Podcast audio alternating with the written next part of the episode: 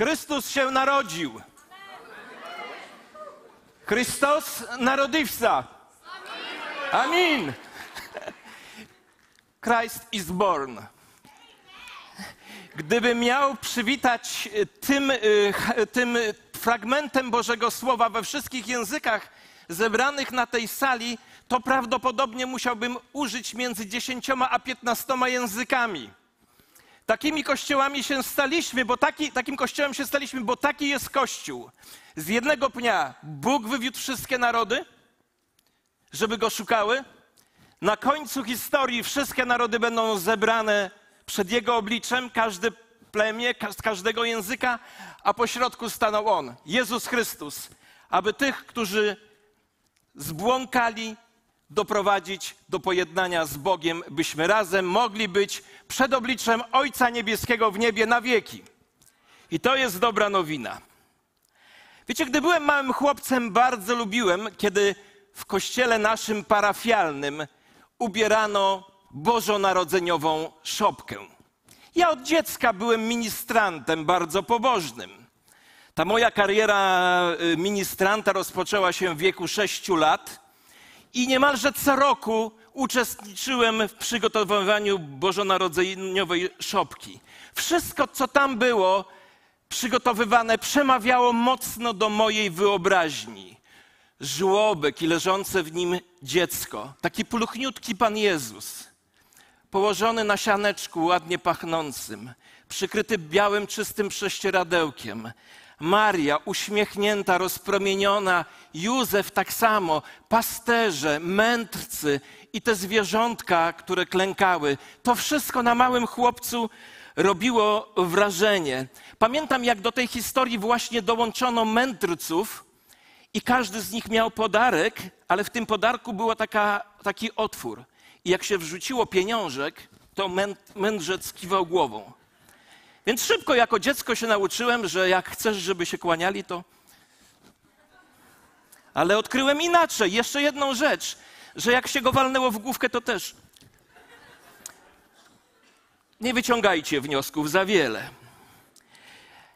Ale gdy to patrzyłem na to wszystko, wiecie, to porusza wyobraźnię. Zwłaszcza u dziecka, ale nie tylko, u, u nas dorosłych także. I gdy to widziałem, to myślałem sobie, jej, to jest niesamowite, jeszcze ta gwiazda świecąca nad stajenką. Słowem, w tym żłobku byli wszyscy uczestnicy tego wydarzenia. Ale czy rzeczywiście wszyscy? Dzisiaj chciałem zadać to pytanie, czy rzeczywiście wszyscy? Co byście powiedzieli, gdybym do tej sielankowej szopki dołączył jeszcze jedną postać, a mianowicie ziejącego ogniem czerwonego smoka z krwiożerczą twarzą. To nie pomyłka. Jeśli ta stajenka ma odzwierciedlać chociażby po części tamtejszą rzeczywistość, to dołożyłbym właśnie ziejącego czerwonego smoka. Naprawdę warto dodać smoka do bożonarodzeniowej szopki. Ale może pomyślicie, ale to przecież wystraszy ludzi. A może właśnie trzeba ich przestraszyć? Może właśnie trzeba nas przestraszyć. Wiecie, kiedy przychodzi Boże Narodzenie, Boże Narodzenie jesteśmy przyzwyczajeni do tego, że czytamy Ewangelię Mateusza, pierwsze dwa rozdziały, że czytamy Ewangelię Łukasza, pierwsze dwa rozdziały, że czytamy Księgę Izajasza, siódmy i dziewiąty rozdział, że czytamy Księgę Micheasza, piąty rozdział, dodajemy czasami Ewangelię Jana, pierwszy rozdział. Te wszystkie fragmenty uczą nas ważnych prawd o narodzinach Pana Jezusa Chrystusa. Lecz dzisiaj co może wydawać się niezwykle, niezwykłe lub dziwne, chcę do tej historii wszystkich dołączyć historię zapisaną w objawieniu świętego Jana w 12 rozdziale, pierwszy pięć wierszy. Posłuchajcie. Na niebie ukazał się wielki znak.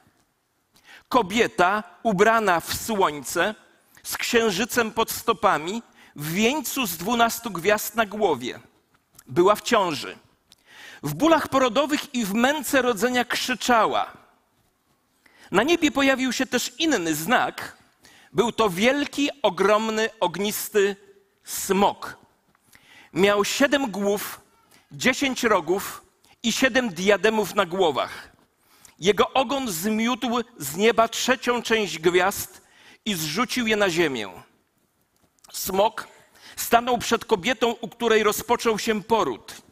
Chciał pożreć jej dziecko, gdy tylko się urodzi. Ona zaś urodziła syna, mężczyznę, który żelaznym berłem ma rządzić wszystkimi narodami. Jej dziecko zostało porwane do Boga i do jego tronu. Nieczęsto łączymy objawienie świętego Jana, czyli apokalipsę z Bożym Narodzeniem, ale właśnie w tym miejscu jesteśmy dzisiaj. Nasz tekst ukazuje wizję, którą miał apostoł Jan podczas wygnania na wyspie Patmos. Jego spojrzenie za kulisy historii ujawnia wojnę w niebie między Jezusem a smokiem. To jest kolejna wersja Bożego Narodzenia.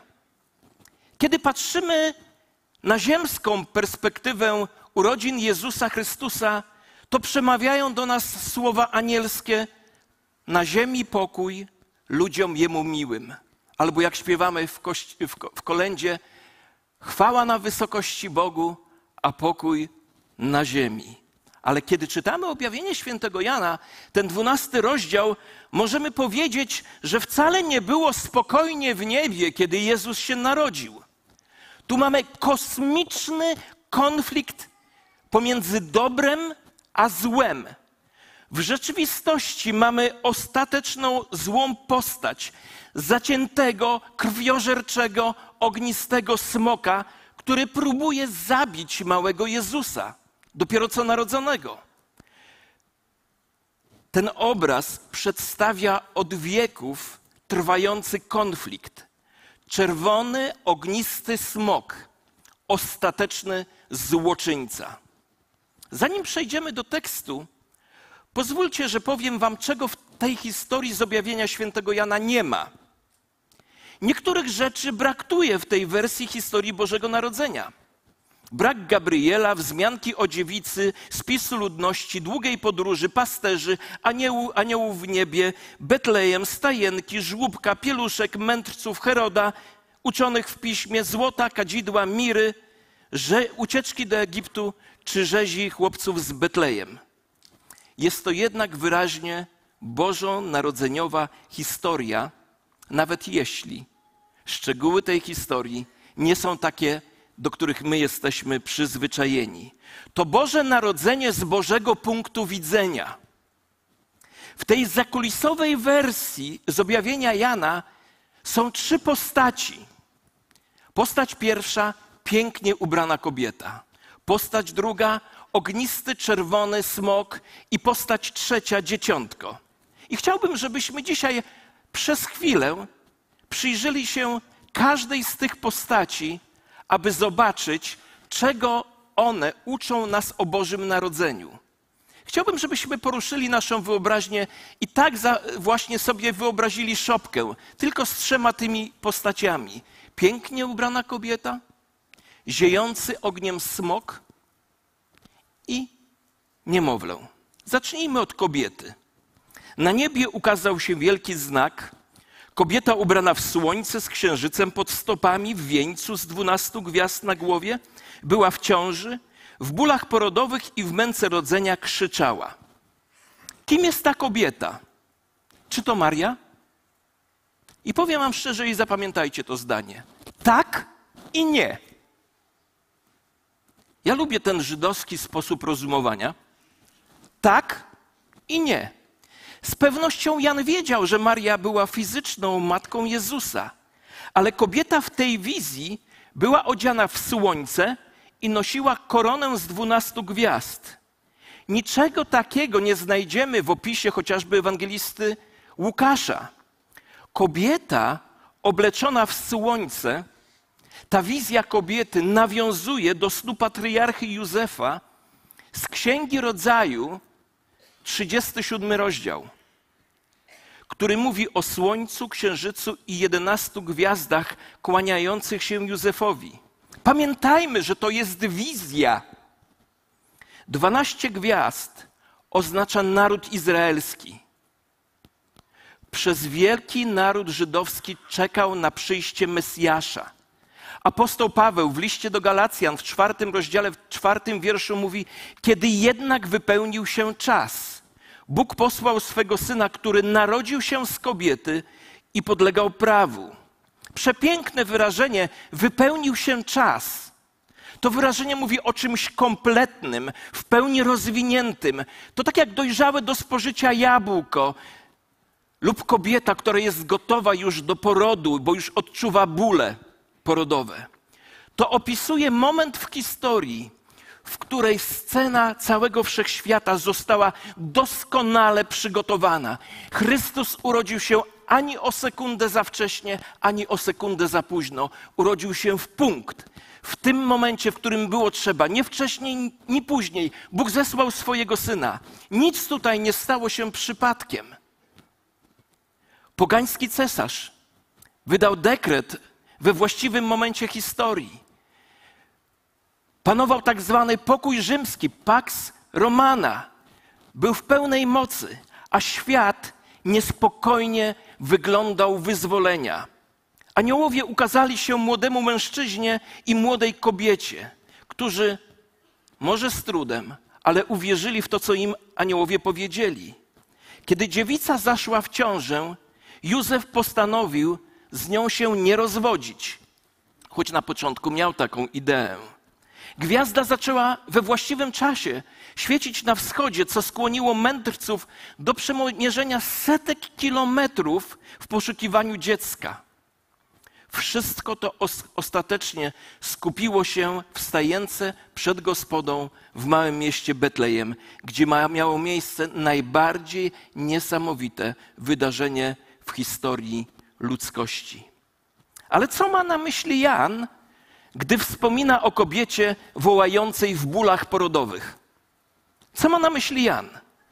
Kobieta w wizji to na pewno Maria, ale kobieta w wizji i Maria także reprezentuje cały naród Izraela.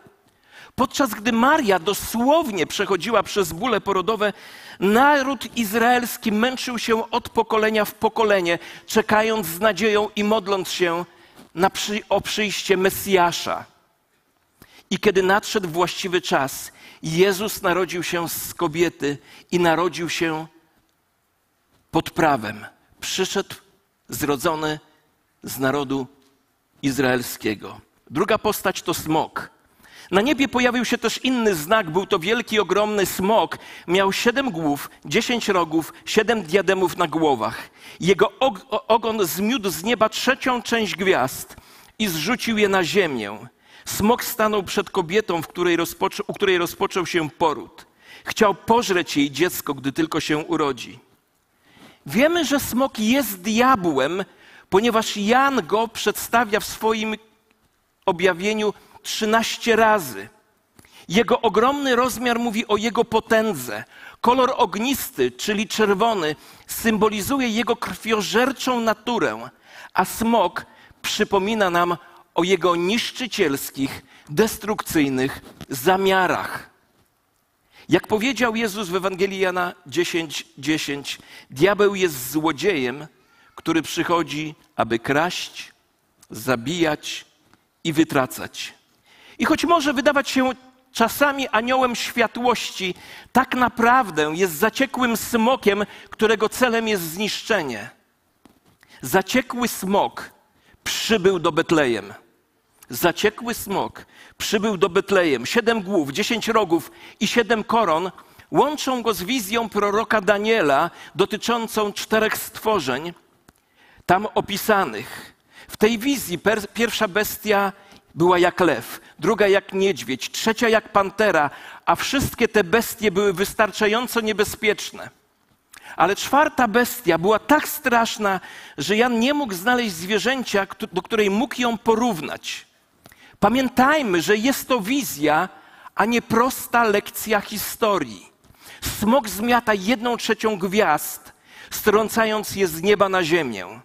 Stało się to można powiedzieć, w minionej wieczności, kiedy Lucyfer zbuntował się przeciwko wszechmogącemu i jedna trzecia aniołów podążyła za nim i za karę Lucyfer i jego aniołowie zostali wyrzuceni z nieba. On stał się diabłem, a jego aniołowie demonami. I zobaczmy, gdzie oni wylądowali. Oni wylądowali na ziemi. Ten świat jest planetą zaatakowaną przez demony. To wyjaśnia wiele rzeczy, które się wokół nas dzieją. Wojna i wiele, wiele innych rzeczy. Żyjemy na planecie zaatakowanej przez demony. Dlatego apostoł Paweł nazwał szatana władcą sfer powietrznych. Jest on również nazwany Bogiem tego wieku. A apostoł Jan w pierwszym swoim liście mówi, że cały świat jest pod jego kontrolą. Jest on księciem demonów i głową królestwa ciemności. Ale spójrzmy teraz, co zobaczył Jan. Gdy Maria rodziła Jezusa, szatan zbliżył się, chcąc go zabić. Szatan przybył do Betlejem. Smok chciał od początku zabić dzieciątko Jezus. Dlatego zapytałem, czy widzieliście kiedyś w betlejemskiej szopce smoka w środku? I prawdopodobnie nikt z nas nie widział takiej szopki. Smok rujnuje spokojną scenę, którą chcielibyśmy w szopce przedstawić. Mamy wielbłądy, mamy owce, woły, osły, klękają w pobliżu Jezus, ale pomijamy smoka, a on tam jest. Ewangelista Łukasz nie wspomina o zwierzętach w stajni. Wiemy jednak z objawienia świętego Jana, że był tam smok. Diabeł kocha śmierć. Nakłonił Kaina, żeby zabił Abla. Nakłonił faraona do zabijania hebrajskich dzieci. Nakłonił Heroda do zabicia chłopców z Betlejem. Próbował zabić Jezusa, ale mu się nie udało. I trzeci bohater, dziecko. Ona zaś urodziła syna mężczyznę, który żelaznym berłem ma rządzić wszystkimi narodami. Jej dziecko zostało porwane do Boga i jego tronu. W Księdze Rodzaju, którą już wspominałem w trzecim rozdziale, Bóg powiedział wężowi: Wprowadzę nieprzyjaźń między tobą a kobietą, między twoim potomstwem a jej potomstwem. Ono, to potomstwo, zrani ci głowę, a ty zranisz mu piętę. Dlaczego diabeł tak bardzo starał się zabić Jezusa? Wiecie dlaczego? Bo narodziny Chrystusa oznaczały jego koniec. Koniec dla smoka. Jego porażka jest całkowita.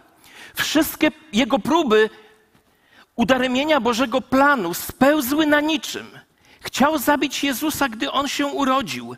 Podburzył przeciwko niemu przywódców religijnych. W końcu wszedł w Judasza w noc ostatniej wieczerzy.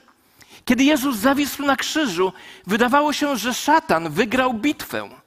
Diabeł próbował zabić Jezusa, ale mu się nie udało. Trzeciego dnia dzieciem płci męskiej powstało z martwych całkowicie pokonując szatana, plądrując królestwo zła, wychodząc z grobu z kluczami piekła i śmierci w swoich własnych rękach. Następnie Bóg. Oklaski dla Pana Jezusa za Jego zwycięstwo. Następnie Bóg zabrał Pana Jezusa z powrotem do nieba, gdzie zasiada po prawicy Ojca, czekając na moment, kiedy z powrotem przyjdzie tu na ziemię, już jako król królów i pan panów.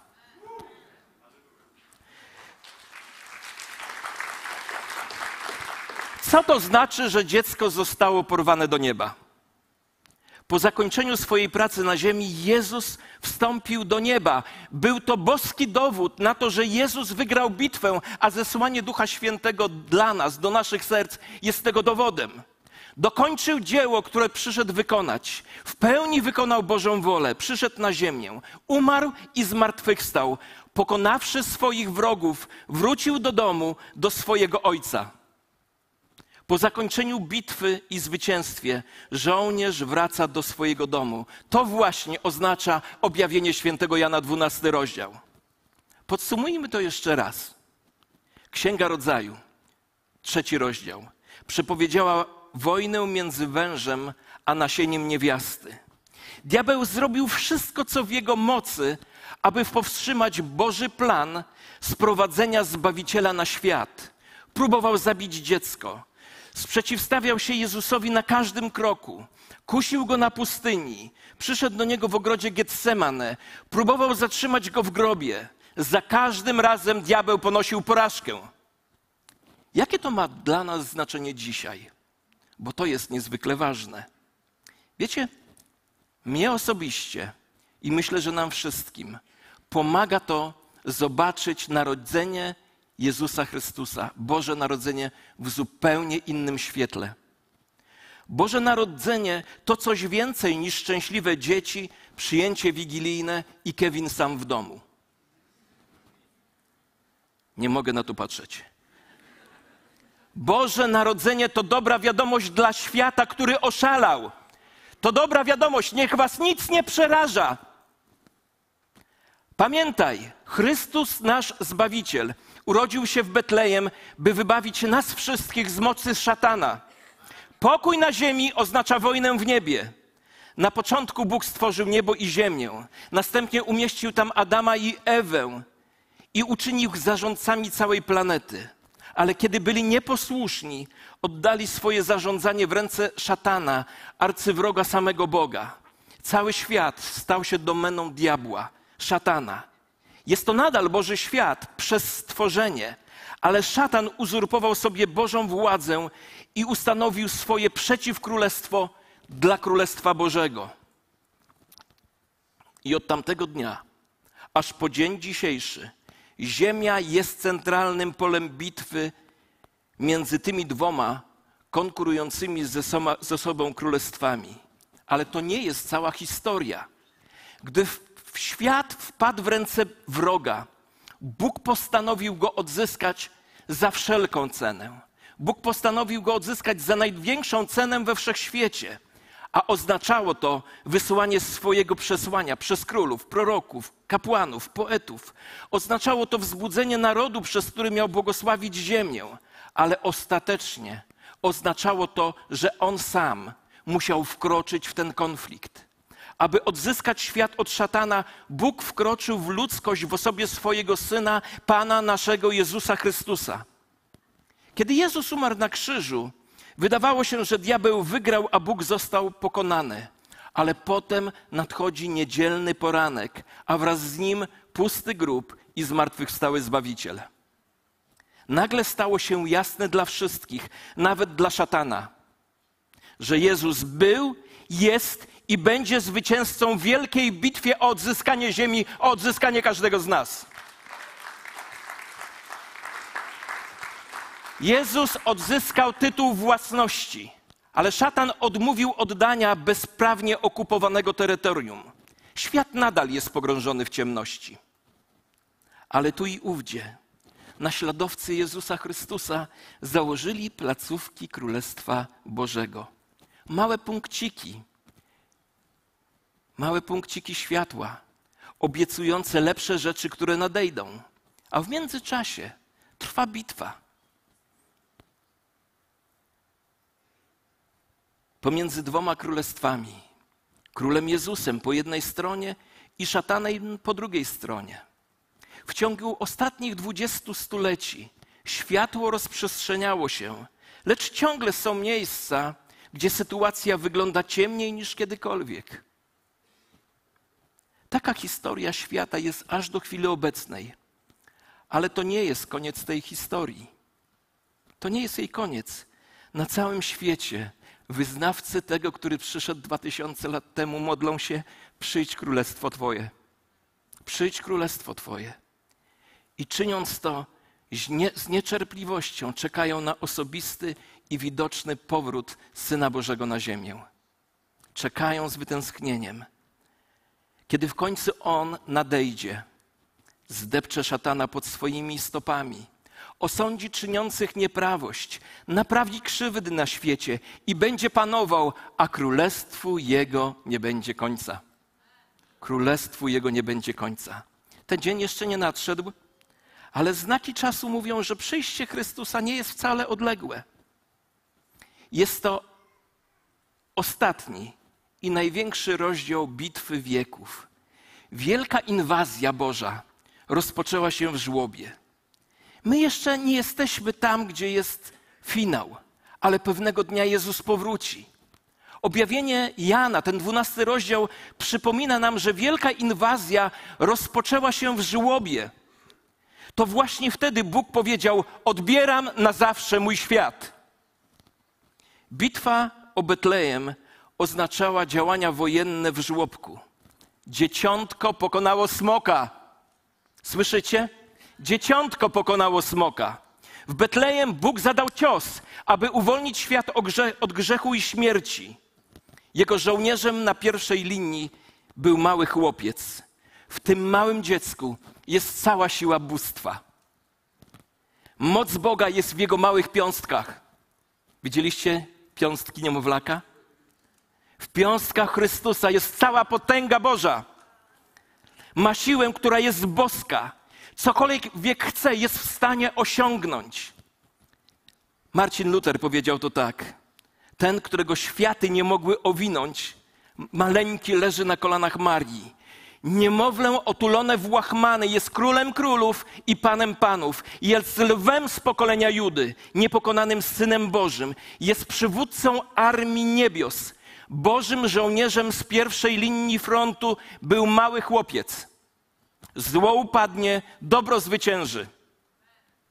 Spokojem na ziemi i z dobrą wolą dla ludzi. Musimy przypominać sobie, że diabeł nie będzie miał ostatniego słowa. Chociaż zadaje wiele bolesnych ciosów dzisiaj, nie może wygrać. A wiecie dlaczego nie może wygrać? Bo bitwa należy do Boga. Bitwa należy do Pana. Bądźcie więc zachęceni dzisiaj. Nie rozpaczajcie. Podnieście oczy i znów spójrzcie na Betlejem. To śpiące dziecko powstanie do walki i nikt mu się nie przeciwstawi. Nikt. Wiecie, wierzymy w coś niezwykłego w związku z narodzinami jednego konkretnego dziecka, które urodziło się w jednym konkretnym miejscu i u konkretnej pary rodziców. To dziecko było Bogiem w ludzkim ciele, a my na tę prawdę postawiliśmy całe nasze życie. Jeśli chodzi o Boże Narodzenie, to wyznajemy niezaprzeczalną prawdę historii, że dwa tysiące lat temu Bóg stał się człowiekiem w osobie Pana Jezusa Chrystusa. Nie tylko w to wierzymy. Postawiliśmy na to całe nasze życie. Jego królestwo nigdy się nie skończy. Jeśli Boże Narodzenie cokolwiek znaczy, to właśnie to. Bóg ostatecznie zwycięża.